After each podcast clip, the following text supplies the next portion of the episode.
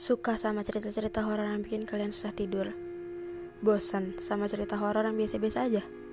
Sekarang, di Creepy Story, setiap minggunya aku akan kasih kalian cerita-cerita creepy yang dijamin akan bikin kalian susah atau takut ke kamar mandi sendirian.